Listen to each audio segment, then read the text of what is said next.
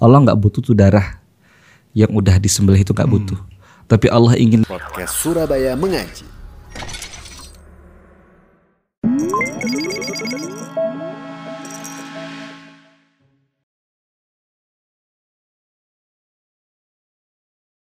Assalamualaikum warahmatullahi wabarakatuh. Alhamdulillah wassalatu wassalamu ala rasulillah. Teman-teman sekalian, selamat datang kembali di podcast Ruang Mengaji. Di podcast ini kita akan membahas seputar tema-tema menarik yang akan kita bahas dari segi syariat Islam bersama guru kita di episode kali ini, Masya Allah, Ustadz Wahyu. Assalamualaikum Ustadz. Waalaikumsalam warahmatullahi wabarakatuh. Alhamdulillah sehat Ustadz ya. Alhamdulillah bi khair sehat. Alhamdulillah. Kurban Ustadz. Masya Allah. Masya Allah. Sesaat lagi kita akan eh, menjumpai ibadah tahunan yaitu berupa kurban Ustadz. Nah ini kita sedikit menjabarkan sedikit di episode kali ini seputar kurban Ustadz. Mulai dari pensyariatannya, kemudian nanti ada hewan kambing atau hewan sapi yang baik untuk dipilih dan lain sebagainya Ustadz. Sebelum lebih lanjut mungkin bisa dipaparkan terlebih dahulu Ustadz. Pensyariatan kurban ini Ustadz. Insya Allah. Bismillah, Alhamdulillah, wassalatu wassalam ala rasulillah wa ala alihi wassahabihi wa wala. Wa ba'd. Syariatul kurban. Ya, syariat kurban. Ibadah yang sangat mulia sekali.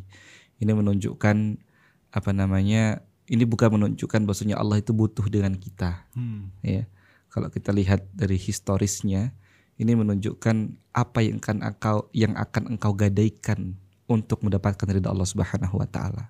Allah nggak butuh tuh darah yang udah disembelih itu nggak butuh. Tapi Allah ingin lihat ya loyalitas kita sebagai seorang hamba Allah itu apa gitu loh. Hmm. Ya kan? Syariat kurban secara historisnya emang itu sejak zaman Nabiullah Khalilullah Ibrahim alaihi salam. Kalau di surat As-Saffat ayat 102 itu kan dijelaskan tuh gimana rentetan sejarahnya. Ini Nabi Ibrahim dapat mimpi ya kan. Uh, beliau berdoa sama Allah untuk diberikan anak, anaknya lahir Nabi Ismail ya. Nabi Ismail kemudian beliau dapat mimpi bahwasanya Nabi Ibrahim SAW al- alaihi salam mendapatkan wahyu untuk menyembelih anaknya Hmm. Hmm. ya. Kemudian ditanya sama ibu Nabi Ibrahim kepada anaknya, ya mada tara? Apa menurutmu bagaimana? Ya. Kata Nabi Ismail alaihissalam apa? If al matu'mar, ya. Kerjakanlah apa yang telah diperintahkan kepada engkau dan engkau akan mendapatiku dari golongan orang-orang yang bersabar, masya Allah. Masya ya. Allah. Hmm. Memang apa namanya manusia yang bertauhid kepada Allah insya Allah akan melahirkan generasi juga yang bertauhid kepada Allah Subhanahu wa taala. Yakin bahwasanya Allah itu nggak akan menyia-nyiakan hambanya, ya. Dan syariat eh, Nabi SAW juga pernah bersabda ditanya ya sejak kapan sih syariat, syariat apa namanya kurban itu ada? Ya kata Nabi SAW beliau bersabda bahwasanya syariat eh, kurban itu sunnatun ya sunnatu abikum Ibrahim alaihi salatu wassalam sunnah apa namanya syariat kurban itu merupakan sunnah. Kebiasaan. Bukan hukumnya sunnah ya. Ya, ya, ya. bukan ini ma- makna makna sunnah di sini makna eh, bahasa. Yakni sebuah jalan atau ibadahnya Nabi Ibrahim alaihi salatu wassalam. Jadi emang eh, syariat kurban sudah ada sejak zaman Nabi Ibrahim dan sampai saat ini. Gitu. Toib, ini kalau bicara kurban hewan yang disyariatkan apa ini Ustaz? Iya. Jadi nggak sembarangan. Gak sembarangan Ustaz. Nggak, Nanti, jangan-jangan kurban ayam, pakai kurban ayam gitu kelinci kan, kayak gitu-gitu pakai telur gitu kan. Yang penting kurban gitu. Enggak. Gimana Ustaz? Ya. Jadi syariat Islam eh, telah menerap mene- me- menetapkan hewan-hewan apa saja yang akan yang boleh dijadikan sebagai hewan sembelihan kurban. Jadi ibadah kurban ini ibadah tauqifi, ibadah yang sudah ada tentuannya, nggak boleh sembarangan, ya kan? Dan dalam eh, eh, eh, eh, eh, syariat Islam diatur hewan apa saja yang boleh dijadikan sembelihan. Intinya hewan yang boleh dijadikan sembelihan kurban adalah bahimatul an'am, hewan-hewan ternak yang diambil dagingnya. Hmm. Ya kalau di Indonesia itu apa tuh? Sapi, ya, Ya, kan? dom- Domba, kambing. Domba, kambing ya kan ya. Itu. Atau kalau di Arab itu unta, ya kan? Kalau dibilang Ustaz kan ada Ustaz. Pig Ustaz.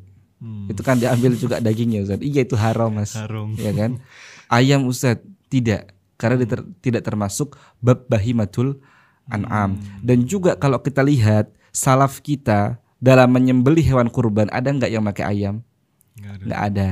Adanya mereka pakai unta atau mereka pakai syat, mereka pakai ghanam kambing atau mereka pakai bakor atau sapi. Sapi. Allah Subhanahu wa taala berfirman kan eh, dalam sebuah ayat Allah Subhanahu wa taala berfirman walikulli ummatin dan setiap umat ja'alna mansakan liyadhkuru smallah ala ma razaqahum min bahimatil an'am. Dan setiap umat itu telah Allah apa namanya tetapkan ya sebuah jalan, sebuah ibadah, sebuah sunnah untuk mereka mengingat uh, apa namanya uh, uh, uh, uh, uh, Allah Subhanahu wa taala mansak ini kurban, sembelihan kurban atau ibadah kurban ya untuk mengingat Allah Subhanahu wa taala ala ma razaqahum min bahimatil an'am. Terhadap apa yang telah diberikan kepada mereka dari rezeki Allah dari hewan-hewan ternak. Jadi jelas kalau kurban ya pakai sapi atau pakai apa namanya kambing atau pakai domba. Domba. Jangan ujuk-ujuk datang ke masjid, Pak saya mau kurban. Apa yang dibawa ayam? Ayam. Ya. Meskipun seribu ayam Ustaz. ya? Meskipun suruh ayam atau ayamnya ini saya untuk Allah. Ini ayam sudah saya rawat. Ayamnya ketawa bisa ketawa. Kan ada kan ya? Ada, ada. Harganya ini harga sapi. Hmm. nggak bisa. Batal ya? Batal, bukan nggak batal, nggak ya nggak bisa, diterima, nggak nggak terima. Orang tahu kifi Iya. udah ada aturannya gitu loh. Kalau mau kurbannya pakai sapi Hmm. Atau onta kalau ada onta Hmm. atau kambing gitu yang sejenisnya. Allah alam. Ya, tapi ini mungkin jadi kebingungan Ustaz. Kan tadi kalau di Indonesia kan eh, kambing, domba sama sapi. Hmm. Nah, di Indonesia sendiri kalau sapi kan bisa patungan tujuh orang Ustaz. Hmm. Nah, ini yang lebih afdol mana Ustaz? Apa beli satu kambing, Hmm. kurban satu kambing atau patungan sapi tadi Ustaz? Iya. Jadi eh, eh, eh, eh, yang perlu kita perhatikan juga sebelum itu ya, Hmm. teman-teman yang mau kurban ini harus perhatikan juga hewan-hewan apa saja yang bisa dijadikan eh, kurban, Kurban. ya. Selain tadi eh, empat tadi, ya apa tadi unta, kambing, sapi Domba. atau sejenisnya ya, Hmm, hmm, ya. Itu juga ada kriterianya harus dipelajari. hmm, Ya di antaranya sudah sampai usia, hmm, ya kan? hmm, Kalau eh, eh, eh, eh, sapi itu dua tahun, hmm. kalau onta itu lima tahun, kalau kambing itu satu tahun. Hmm. Kalau jazaah, kambing jazaah itu domba jazaah. ka- Kalau di kita tuh wedus gembel, tahu ya, wedus gembel, Hmm. yang kurus Iya, itu kan, iya, yang kecil, kecil-kecil. itu enam bulan, Hmm. ya, dan lain-lainnya. Dan tadi ditanyakan, ada di Indonesia itu patungan sapi, boleh nggak sih itu? Boleh. Hmm. Pernah seorang sahabat Ibnu Abbas radhiyallahu anhu, beliau itu eh, safar sama Rasul, kemudian menjumpai hari raya kurban, ya. Maka mereka bersyarekat eh, eh, apa namanya ber, berkongsi untuk menyembelih unta 10 orang, Hmm. ya kan? Satu unta 10 orang dan sapi tujuh orang itu. orang. Artinya ini boleh itu loh. Hmm. Lantas mana yang lebih afdol? Ya, kata para ulama wasyatu dan satu kambing afdol min ishtirak fil badanah. Ya, satu kambing itu lebih afdol daripada apa namanya onta yang syarikat, yang Patungan patungan. Hmm. Karena apa? Yang dinilai itu adalah darah yang dialirkan, Hmm. ya kan? Jadi kalau satu orang nyembelih berapa? Eh, kalau satu kambing yang nyembelih berapa? Satu. Satu. Hmm. Artinya dia nyembelih satu satu kambing. Kalau misalnya sapi yang urunan tujuh orang, Tujuh orang. yang nyembelih berapa? Tujuh itu. Satu Oh, kan? satu, satu. Satu lah. Satu kambing masa nyembelih tujuh gimana megangnya? Enggak yang sapi, Ustaz. Iya. Oh. Eh satu sapi satu sapi nyembelih tujuh orang gimana? nyembelihnya Iya, satu orang kan? Artinya apa? Yang dapat keutamaan nyembelih cuma satu satu orang gitu loh. Hmm. Nah, karena emang ka- kaidahnya wasyatu afdal Hmm. min ishtirak fil badana. Satu kambing itu lebih afdal daripada ishtirak ya berkongsi Hmm. eh, urunan untuk satu sapi atau satu Hmm. unta ya. Jadi kalau mau ya tergantung sih maunya apa. Hmm. Ya kalau mau kurban sapi satu orang kan boleh kan ya? Boleh, boleh. Kan boleh. Itu afdol, lebih afdol daripada kambing Hmm. ya. Tapi kalau urunan lebih afdol kambing daripada Urunan tadi, Ustaz. urunan sapi ya. Dan juga ada sebuah sunnah yang anda pernah dapati, sunnah sayyah lah ya. Ada orang-orang di kampung itu di sekolah itu suka ngajak ngajari siswanya itu untuk kurban Hmm. ya. Jadi patungan tuh mereka. Tapi yang di patungan itu bukan sapi, Apa itu, kambing. Oh. Ini nggak boleh. Karena sudah ada syariatnya tuh. Hmm. Yang ditunjukkan dalam hadis yang boleh patungan itu adalah sapi dan juga Unta. Itu. Hmm. Kalau kambing nggak boleh patungan, tapi boleh diniatkan satu kambing untuk banyak orang, Hmm. ya kan? Tapi untuk patungannya nggak boleh. Nggak boleh.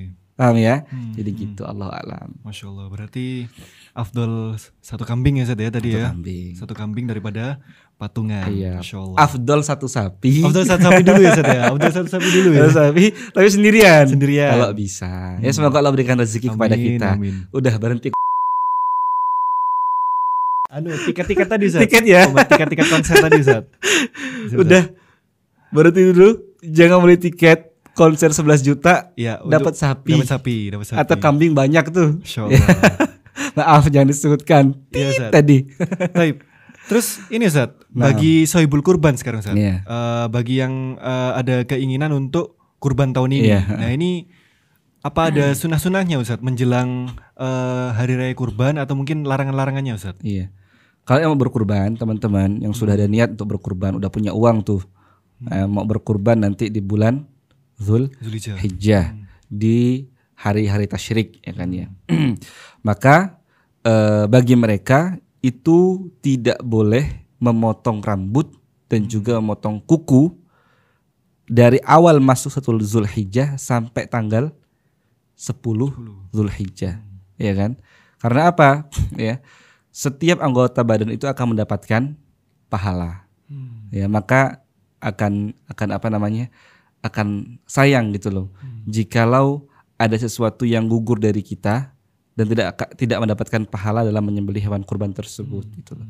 Larangannya dua itu dari hadis Ummu Salamah, jikalau sudah masuk apa namanya? jikalau ber- berkurban ya niat nih sudah ada uang. Namun nyembelihnya kan tanggal 10 kan ya. Hmm. Tanggal 10 hari hari Idul Adha kan ya. Iya. Maka kalau sudah masuk satu Zulhijjah itu jangan apa namanya motong kuku dan juga jangan memotong rambutnya. Hmm. Kalau misalnya mau motong betulan ya udah sebelumnya itu loh.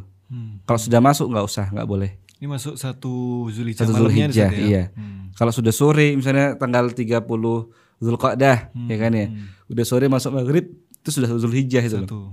Hmm. Jadi jangan motong rambut ataupun jangan motong kuku. Hmm. Allah alam. Taib. Syukran Ustaz, jazakallah khair. Demikian pemirsa sekalian, Masya Allah berkaitan dengan kurban. Semoga kita semua dimampukan oleh Allah untuk menunaikan ibadah kurban dengan kurban terbaik dan semoga bisa mengambil manfaat dari pemaparan di episode kali ini. Demikian, wassalamualaikum warahmatullahi wabarakatuh.